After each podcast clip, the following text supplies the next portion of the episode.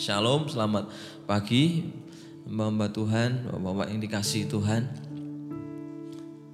Mari kita sama-sama melihat ke dalam surat Roma pasal yang ke-8 ayat yang ke 35 sampai dengan 39. Roma 8 ayat 35 sampai 39. Saya bacakan demikian firman Tuhan. Judul berikut perikopnya di atas adalah keyakinan iman. Ayat 35, siapakah yang akan memisahkan kita dari kasih Kristus? Penindasan atau kesesakan atau penganiayaan atau kelaparan atau ketelanjangan atau bahaya atau ketelanjangan atau bahaya atau pedang seperti ada tertulis, "Oleh karena engkau kami ada dalam bahaya maut sepanjang hari.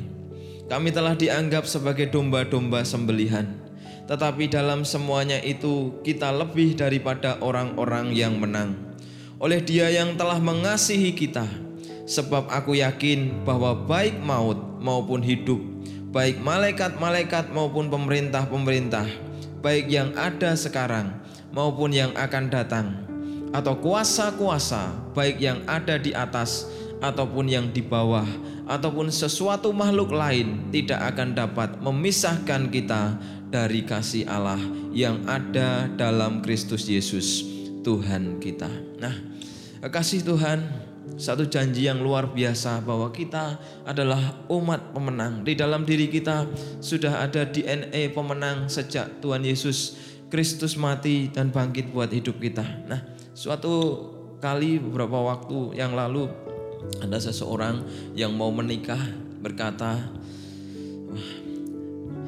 berkata kan corona ini telah memisahkan kami pak katanya karena dampak dari corona dia yang rencana akan menikah ternyata harus diundur karena tidak boleh ada resepsi atau kumpul-kumpul dan harus menjaga jarak termasuk dalam pemberkatan pernikahan. Corona telah memisahkan kami Pak yang mau menikah. Sehingga masa depan dan pernikahan yang seharusnya sudah di depan mata harus kabur. Nggak tahu kapan lagi akan kami adakan. Karena harus menunggu beberapa waktu. Kita nunggu informasi dari pemerintah sampai keadaan cukup aman. Nah, coronavirus telah berdampak ke semua sektor kehidupan. Termasuk hari ini kita harus beribadah di rumah kita masing-masing ya. Corona telah memisahkan guru dengan murid yang biasanya tatap muka di rumah. Corona telah memisahkan ya untuk sementara waktu rekan-rekan kerja, saudara-saudara yang berada di kantor harus bekerja di rumah, tidak harus uh, saling bersentuhan fisik atau dekat secara fisik, tetapi harus bekerja berjauhan. Bahkan telah memisahkan keluarga yang biasanya akhir saat-saat ini mudik ya, tidak boleh mudik saudara. Nah, corona juga memisahkan banyak hal ya. Tentu terutama juga ibadah. Saudara yang ada di rumah, anak-anak Tuhan yang ada di rumah harus beribadah di rumah karena memang lebih baiknya demikian untuk saat-saat ini. Namun sering disampaikan hamba-hamba Tuhan bahwa kita adalah gereja rumah kita adalah bait Tuhan dan bahkan kita sendiri anak-anak Tuhan adalah gereja secara personal di mana ada bait Allah. Maka di situ ada pujian penyembahan kepada Tuhan, ada firman Tuhan yang mengalir dalam hidup kita. Maka biar makin hari kita boleh merasakan hadirat Tuhan, kuasa lawatan Tuhan turun di rumah-rumah di setiap pribadi anak-anak Tuhan sekalipun corona untuk sementara memisahkan kita. Tetapi percaya Tuhan bahwa saudaraku dalam Roma 8 dalam ayat-ayat ini dikatakan sekalipun corona atau apa pun bisa memisahkan kita. Tetapi tidak ada satupun yang sanggup memisahkan kita dari kasih Kristus Yesus Tuhan kita. Ini satu jaminan yang besar, yang luar biasa, yang harus terus sepanjang hidup kita kita ingat. Ya, Bapak Gembala selalu mengingatkan bagaimana gereja ini dikasih nama Gusti Yesus Tresno Kulo. Salib yang ada di depan tulisannya Gusti Yesus Tresno Kulo. Stiker-stiker dibuat Gusti Yesus Tresno Kulo. Untuk menunjukkan bahwa tidak ada satupun saudara yang sanggup memisahkan kita dari kasih Tuhan Yesus dalam hidup kita. Nah, maka mari kita melihat dalam ayat-ayat ini bagaimana saat-saat ini Tuhan akan menuntun kita ada di jalur kemenangan. Dan ketika Tuhan membawa wabah ini berlaru dari bangsa ini, bahkan ke dari seluruh dunia, maka jalur kemenangan Tuhan akan kita nikmati sebagai anak-anak Tuhan yang menjadi ahli waris kerajaan Tuhan. Nah, apa yang dapat kita pelajari? Nah, kekasih Tuhan, di sini dikatakan bahwa yang pertama kita mari kita punya yang namanya kesadaran bahwa kita dipanggil Tuhan di segala hal dalam kehidupan. Maka kita harus yang pertama bersiap untuk mengerjakan panggilan Tuhan dalam hidup kita. Ayat 36 dikatakan bahwa seperti ada tertulis oleh karena engkau kami ada dalam bahaya maut sepanjang hari. Kami telah dianggap sebagai domba-domba sembelian. Ayat ini dikutip oleh Rasul Paulus ya Rasul Paulus adalah pribadi yang mengalami bagaimana tantangan suka duka penderitaan ya goncangan bahkan mat, mau mati pun dia tetap berkata aku tetap di jalur kemenangan Tuhan. Dalam penderitaan mengalami wabah digigit ular beludak kena racun diracun dia tetap berkata aku di jalur kemenangan. Pak orang yang seperti ini ketika menuliskan ayat ini di ayat yang ke-36 adalah kutipan di dalam Mazmur 44 ayat yang ke-23. Di situ kalau Bapak Ibu Saudara mau lihat baca. Firman Tuhan mengatakan bahwa oleh karena engkau kami ada dalam bahaya maut sepanjang hari, kami dianggap sebagai domba-domba sebelian. Persis teksnya Saudara. Nah, namun apa yang dapat kita pelajari? Mazmur 44 ini ditulis oleh satu bani yang namanya Bani Korah. Bani Korah memberikan judul ya lewat LAI ya, jeritan bangsa yang tertindas. Nah, Bani Korah adalah salah satu bani yang mengalami keterpisahan ya. Ya, yang diizinkan Tuhan ya. Tetapi mereka tetap merasa Tuhan tidak pernah meninggalkan mereka. Yang pertama bapak mereka ya, nenek moyang leluhur mereka yaitu Korah ketika melakukan pemberontakan bersama Datan, Abiram dan On mereka dihukum Tuhan dan kemudian bumi mengangakan mulutnya dan kumpulan mereka masuk ke dalam bumi dan mati di sana. Namun dikatakan dalam bilangan 26 ya ayat 9 sampai 11 dan anak-anak Eliab ialah Nemuel, Datan dan Abiram. Datan dan Abiram orang-orang yang dipilih oleh umat itu ialah orang-orang yang telah membantah Musa dan Harun dalam kumpulan Korah ketika mereka membantah Tuhan, tetapi bumi membuka mulutnya dan menelan mereka bersama-sama dengan Korah. Ketika kumpulan itu mati, ketika ke-250 orang itu dimakan api, sehingga mereka menjadi peringatan. Tetapi anak-anak Korah tidaklah mati. Nah, kekasih Tuhan, anak-anak Korah tidak mati ya, tetapi Korah bapaknya dan kumpulannya mati. Anak-anaknya berkata mereka tidak mau meniru bapaknya. Mereka tidak mau hidup ya. Ketika Tuhan panggil mereka untuk di jalur panggilan Tuhan ya. Kadang mereka harus terpisah ya. Mereka terpisah dari orang tua yaitu bapak mereka. Tetapi mereka mau berkata, "Boleh kami terpisah dengan bapak yang tidak mau nurut Tuhan, tetapi kami mau tetap nurut Tuhan. Kami tidak mau terpisah dari Tuhan." Nah, kok kasih Tuhan panggilan Tuhan tidak hanya yang namanya waktu kita di masa enak atau zona nyaman, waktu kita diberkati secara fisik ya, kita senang, kita bersuka cita, bergelimangan harta ataupun hidup kita serba kecukupan. Tetapi panggilan Tuhan juga adalah panggilan di jalur salib, Saudara. Jalur penderitaan yang diizinkan Tuhan terjadi dalam kehidupan kita. Mari kita melihat dalam surat 1 Petrus pasal yang kedua ayat yang ke-21. 1 Petrus 2 ayat 21. Firman Tuhan mengatakan sebab untuk itulah kamu dipanggil karena Kristus pun telah menderita untuk kamu yaitu saudara dan saya dan telah meninggalkan teladan bagimu supaya kamu mengikuti jejaknya. Nah, Juga dikatakan di ayat 25, sebab dahulu kamu sesat seperti domba, tetapi sekarang kamu telah kembali kepada gembala dan pemelihara jiwamu. Nah, ketika kita dipanggil saudara, dalam masa-masa yang namanya penderitaan, saudara, seperti yang digambarkan oleh Bapak Gembala beberapa waktu yang lalu, jalur lembah kelam. Kita adalah domba Tuhan yang kadang bisa tersesat. Dan ketika tersesat, kadang kita ditemukan Tuhan. Dan Tuhan harus membawa pulang kita melewati yang namanya lembah kelam. Lembah bayang-bayang maut. Lembah di mana penuh dengan perampok ya. Penuh dengan begal penuh dengan maling penuh dengan pembunuh. Seperti hari-hari ini muncul malak belakangan ini sehingga terjadi chaos saudara kekacauan ya. Ada orang-orang yang sengaja membuat itu sehingga situasinya memakin panas maka sebagai warga negara bangsa kita jangan kita menyalahkan pemerintah. Ya, Saudara. Pemerintah kita baik. Di dalam pimpinan anugerah pertolongan Tuhan mereka telah mengusahakan yang baik. Kita doakan mereka, ya, kita dukung mereka sehingga mereka ya boleh terus mengambil keputusan yang benar di jalurnya Tuhan agar bangsa ini lepas bebas dari COVID-19. Agak kasih Tuhan kembali Ketika Tuhan izinkan kita harus pikul salib, sangkal diri, masuk ke dalam satu lembah yang namanya kekelaman. Itu lembah yang sangat mengerikan. Kekelaman ini kata yang lain yang menggambarkan bukan hanya penuh bahaya.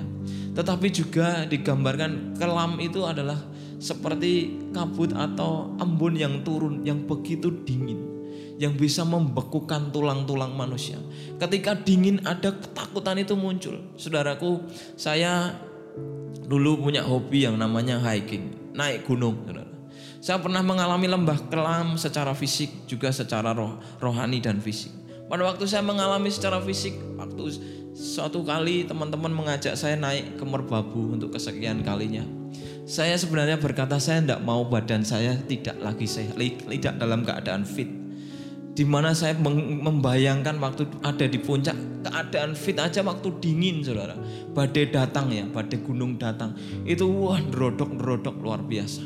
Apalagi waktu itu keadaan saya tidak fit saya berkata tidak tolong mas ya kami perlu dipandu perlu guide untuk bawa kami sampai ke puncak. Nah akhirnya dengan terpaksa saya mengiyakan dan waktu di pendakian atau camp terakhir saya berkata, sudah saya sampai di sini saja kalian jalan sendiri. Mereka berkata tidak mau dan akhirnya saya minta pertolongan Tuhan. Akhirnya kita kami naik saudara. Sampai di satu tempat yang namanya Watu Gubuk. Saudara, akibat dari waktu itu Merapi pernah meletus dan jalur itu penuh dengan debu sehingga tertutup. Jalur harus dialihkan ke jalur yang baru yang jauh dan medannya menikung, Saudara. Dan saat itu tiba-tiba badai datang, Saudara badai angin kencang sekali. Wow, sampai apa barang-barang sempat kabur juga. Nah, tapi pada waktu itu, saudara, saya dalam keadaan sakit, ya, tidak fit. Angin begitu dingin, kencang lagi, saudara, dan terpaksa kita berlindung di balik punggung gunung ya, di atas suatu gubuk di jalur yang baru itu. Dan kemudian kita bersembunyi di sana dari balik badai angin itu. Dan kemudian saya mulai menggigil saudara. Kemudian saya berdoa, Tuhan tolong saya.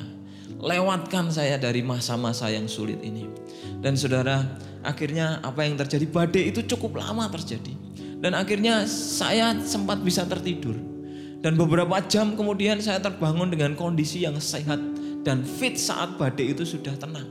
Kami lanjutkan perjalanan dan ketika sampai di puncak memang agak siang tapi akhirnya Puji Tuhan, saya dan rombongan sampai di puncak bahkan turun dalam keadaan sehat. Apa yang saya takutkan tidak terjadi. Badai, bahaya, bencana yang justru menambah beban bagi waktu saya sakit, ya. Dijadikan Tuhan justru kebaikan. Untuk saya istirahat dan dipulihkan Tuhan dan akhirnya dapat melanjutkan perjalanan. Lembah kekelaman mengerikan Saudara. Dan hanya Tuhan yang tahu perjalanan untuk melewati itu. Maka izinkan. Kalau kita hari ini dipanggil ya untuk melewati masa-masa corona. Mungkin saudara yang ada di rumah untuk melewati masa-masa PHK, masa-masa dirumahkan, masa-masa pendapatan saudara menurun, mungkin hanya gaji pokok, mungkin hanya sebatas separuh, mungkin ada yang di rumah yang mendapat bantuan langsung tunai, hanya dapat segitu. Cukupkan apa yang ada. Minta pimpinan Tuhan untuk melewati masa-masa yang tidak mudah ini. Badai kekelaman bisa mematikan. Nah, kasih Tuhan kalau dalam pertandingan olahraga, olahraga sepak bola atau olahraga MotoGP ya. Ada sirkuit-sirkuit yang dianggap sirkuit neraka yang mematikan. Tetapi kalau melihat catatan berita dan semua ulasan dari mereka yang pernah bertanding, hampir semua sirkuit itu ada trek neraka. Ada yang namanya tikungan-tikungan yang berbahaya sehingga mereka pernah jatuh di sana. Nah, dalam kehidupan ini pun sama. Dalam kehidupan yang biasa-biasa itu pun bisa terjadi lembah bayang-bayang maut dalam hidup kita kalau kita tidak hati-hati. Daud berkata, engkau menyediakan hidangan bagiku di hadapan lawanku. Di hadapan lawannya yang bisa membunuh dia. Yang bisa setiap waktu kapan pun mencabut nyawanya. Tapi Tuhan memberikan pertolongan. Tuhan memberikan kemenangan kepada Daud. Karena apa? Daud tahu kepada siapa dia bergantung dan di saat apa pun dia siap untuk menghadapi lembah kekelaman atau penderitaan. Sama seperti Bani Korah ini saudara. Yang pertama ditinggalkan bapaknya. Teks ini berbicara pada masa Helenistik kalau kita belajar teologi. Di situ yang kedua peristiwa pembuangan di Babel. Peristiwa pembuangan di Babel adalah peristiwa bagaimana menyakitkannya bagi orang-orang Israel. Bukan hanya mereka dibuang dari tanah Kanaan menuju Babel dan disebar, tetapi bait Allah yang menjadi kebanggaan mereka dihancurkan oleh Babel. Mereka tidak bisa beribadah di bait suci yang mereka banggakan. Di mana mereka harus beribadah, di mana mereka harus mencari Tuhan. Saat itulah muncul yang namanya sinagog, Saudara. Sinagog menjadi solusi mereka bisa beribadah. Di rumah-rumah tangga mereka bangun sinagog di tempat-tempat ada di mana orang Yahudi mereka bangun sinagog.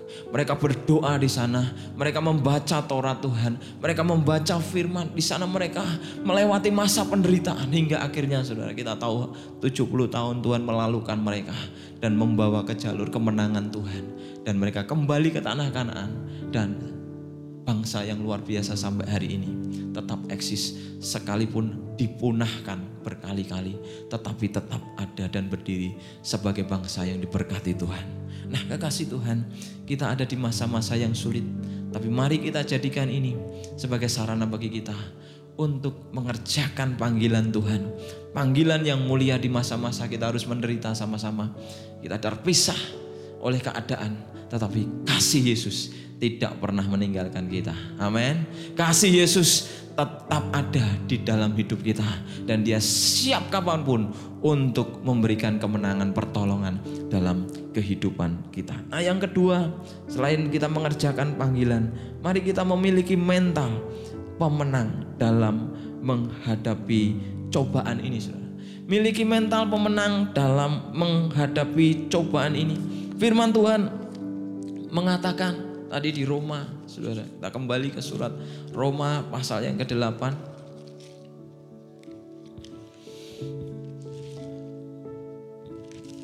Ayat yang ke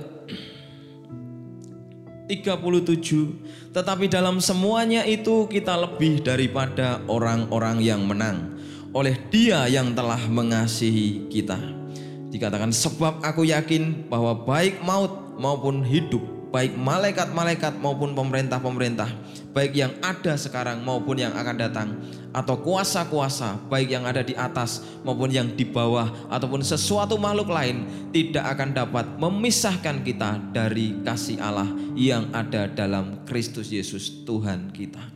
Lebih dari pemenang, kita adalah orang-orang yang menang, lebih dari pemenang. Pemenang karena bukan karena kita menjadi juara ataupun memenangkan pertandingan. Pemenang karena anugerah saudara. Karena hadiah, karena gratis tapi bukan murahan. Kita menjadi pemenang dikasih oleh Tuhan. Satu hal yang berharga, kita menjadi orang-orang yang berharga di mata Tuhan. Nah, oleh karena mari kita miliki mental pemenang untuk menghadapi cobaan apa pun. Menjadi pemenang di dunia ini berbeda dengan menjadi pemenang dalam Tuhan. Saudara. Setiap juara, setiap pemenang di setiap pertandingan atau perlombaan di dunia ini ada batasnya.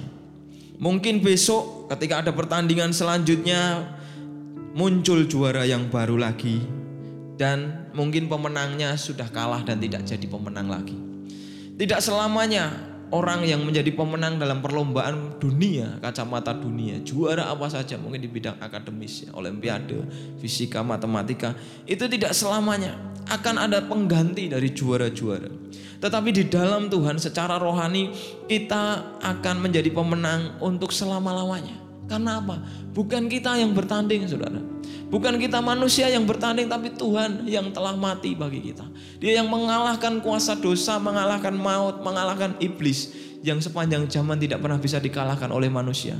Telah dikalahkan Tuhan. Dan itu kemenangan itu dihadiahkan kepada kita semua. Maka kita memiliki yang namanya DNA sebagai juara, sebagai pemenang yang bersifat kekal atau sampai selama-lamanya. Nah, tidak ada seorang pun yang dapat merebut piala kehidupan yang kita peroleh karena itu adalah pemberian Tuhan.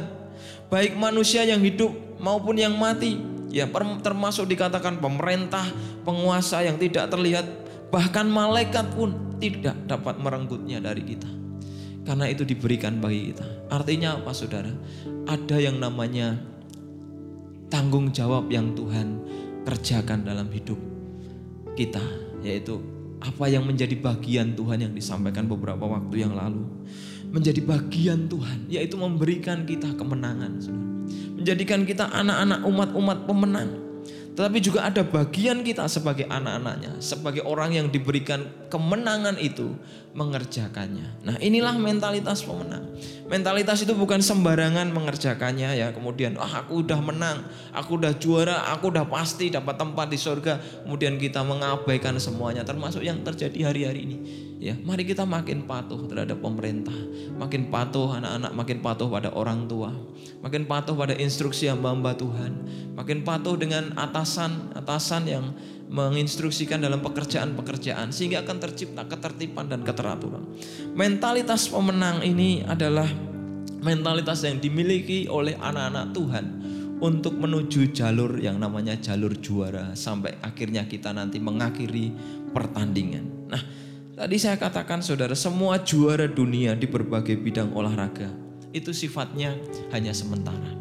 Tetapi menurut kesaksian-kesaksian dari para juara ya, yang saya baca di rangkuman buku.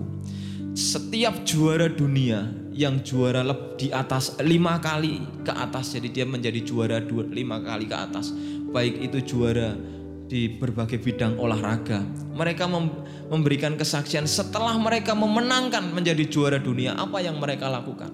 Mereka tidak liburan musim semi ya, tidak berfoya-foya, tidak berpesta. Ya ada juara-juara yang berpesta, contohnya misalnya Mike Tyson Contohnya yang lain sudah. Tapi akhirnya mereka kalah tidak bisa mempertahankan. Tapi juara yang sampai permanen bisa mempertahankan lima tahun bahkan tujuh tahun bahkan delapan tahun ya. Ya. Bahkan lebih dari itu. Mereka ketika mereka jadi juara dunia mereka berkata apa? Aku mengambil alat-alat perlengkapan olahragaku dan liburan musim semi mereka mereka abaikan. Liburannya ke mana sudah? Mereka latihan lagi lebih keras lagi mereka lihat video-video, mereka tonton lagi video bagaimana trek yang sulit, bagaimana mereka hampir kalah, mana lawan-lawan yang sulit, mana dia mereka yang hampir gagal, mana mereka menang dan juga mereka menonton video-video dari juara-juara yang dulu. Ditonton bagaimana kehebatan mereka, mereka latih sedemikian rupa. Inilah yang mereka katakan saya bisa menang lagi karena saya melakukan ini. Jalur kemenangan bukan jalur yang nyantai, saudara. Jalur kemenangan adalah jalur yang melihat masa depan yang Tuhan janjikan adalah begitu mulia. Iman kita begitu mahal dan berharga. Maka jalur inilah yang harus kita tempuh. Justru makin, makin kita melihat kepada contoh-contoh iman yang terdahulu yang sudah memenangkan perlombaan. Ya, seperti juara tadi, dia melihat video-video juara-juara di masa yang lalu. Surat Ibrani pasal yang ke-11 bagaimana membentangkan kepada kita saudaraku ya saksi-saksi iman di mana bahwa banyak tokoh-tokoh iman yang memenangkan pertandingan ya ada Musa yang dulu takut menghadapi Firaun ya. Menghadapi Firaun takut karena dulu diancam Firaun yang lama mau bunuh dia. Dia akan dihukum mati, dia jadi apa buronan. Ketika Tuhan suruh dia menghadapi Firaun, dia nggak berani, Saudara. Tapi ketika dia melatih terus imannya, mata imannya, ya sang pemenang ini ya, jalur kemenangan ini melalui iman. Maka dia akhirnya bisa berkata bahwa murka raja tidak lagi dia takuti. Dikatakan dia tidak takut kepada murka raja karena dia apa? Melihat apa yang tidak kelihatan. Melihat Tuhan dengan iman, Saudara. Iman akan membuat kita menuju jalur kemenangan yang Tuhan sediakan. Maka kerjakan apa pun hari-hari ini dengan iman. Jangan dengan ketakutan, jangan dengan keraguan. Justru Tuhan ingin kita adalah orang yang melihat masa depan karena kita punya modal berharga yaitu iman yang akan membawa kita menyelesaikan pertandingan sampai akhir. Nah, Abraham pun sama, Yakub, Ishak, Yakub pun sama dan juga pahlawan-pahlawan iman pun yang lain sama.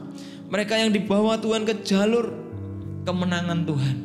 Mereka Dulu yang awalnya takut, ragu-ragu, tetapi ketika Tuhan menyertai mereka, mereka kerjakan dengan segenap hati, maka Tuhan melewatkan mereka dari berbagai masalah. Kemarin kita belajar tentang Yakub, bagaimana Tuhan melewatkan dia ya dari keadaan-keadaan sulit sehingga akhirnya dia menang dan mendirikan mesbah di Betel. Nah, kemenangan ini Saudara yang sudah Tuhan janjikan dalam kehidupan kita Memiliki mentalitas kemenangan artinya mari kita terus belajar ya, memiliki iman yang makin kuat. Makin melihat bahwa iman kepada Yesus, pengorbanan Yesus itu mulia, hal yang begitu mulia sehingga kita ingin menjadikan Yesus center dari kehidupan kita. Kita menjadikan ingin hidup kita seperti Yesus. Hidup kita menjadikan Yesus teladan dalam hidup kita. Itulah iman jalur kemenangan. Maka hari-hari ini mungkin keadaan sulit bagi saudara. Ada janji kemenangan buat setiap kita. Ada janji kemenangan yang Tuhan berikan dalam hidup kita. Mari raih kemenangan itu dengan memiliki mengerjakan yang namanya panggilan Tuhan yang hari-hari ini harus kita kerjakan. Tapi memiliki mentalitas pemenang. Ya, apa pun yang kita hadapi, kita menghadapinya bersama, saudara. Ya, kita menghadapinya bersama wabah corona kita hadapi juga bersama sekalipun di rumah-rumah yang berbeda ya. Bencana ya keadaan-keadaan yang sulit yang lain ya juga kita hadapi bersama. Tetapi sekalipun kita terpisah ya ya sekalipun kita ada di tempat yang berbeda tapi percaya Tuhan Yesus kasih Yesus tidak pernah terpisah dari hidup kita. Kasih Yesus selalu ada dan memberikan kita kemenangan di jalur Tuhan. Maka mari kita makin hidup dengan iman ya. Melakukan perbuatan-perbuatan iman sehingga makin hari iman kita makin murni ya. Makin hari, makin hari kita menjadi orang-orang yang berkenan di hadapan Tuhan. Jadi orang-orang yang mengalami janji-janji Tuhan, mengalami mujizat Tuhan di tengah-tengah situasi yang tidak baik. Kemarin disampaikan juga Yakub, Saudara. Yakub mengalami yang namanya coba cobaan penderitaan wabah kekelaparan waktu dia ada di tanah Kanaan. Dia mulai ketakutan kehabisan makanan sehingga dia memerintahkan anak-anaknya untuk pergi ke Mesir mencari makanan. Di sana dibuat diputer-puter, dimain-mainkan oleh seorang yang bernama Yusuf. Daud dan anak-anaknya bertambah kalut. Tapi saudara, dari wabah kelaparan, dari mereka dipersulit dengan keadaan. Tetapi siapa menyangka justru Yakub bertemu dengan anak yang selama 13 tahun dia rindukan, dia anggap sudah mati, tetapi ternyata masih hidup dan bahkan dipakai Tuhan untuk menolong bangsa-bangsa. Ini sebuah keajaiban, Saudara. Ini sebuah mujizat Kenapa? Karena ketika kita melihat sebuah bencana, sebuah keadaan yang sulit, Tuhan sebenarnya sedang merenda sebuah masa depan yang terbaik bagi saudara dan saya. Maka mari tetap kita melihat setiap janji-janji Tuhan, rencananya di dalam firman-Nya sehingga kita makin kuat, bukan makin down, tapi makin kuat bersiap untuk mengalahkan setiap tantangan dan kita akan mengalami kemenangan bersama-sama karena akan ada kasih Yesus yang tidak pernah meninggalkan kita. Kiranya Tuhan memberkati kita semua.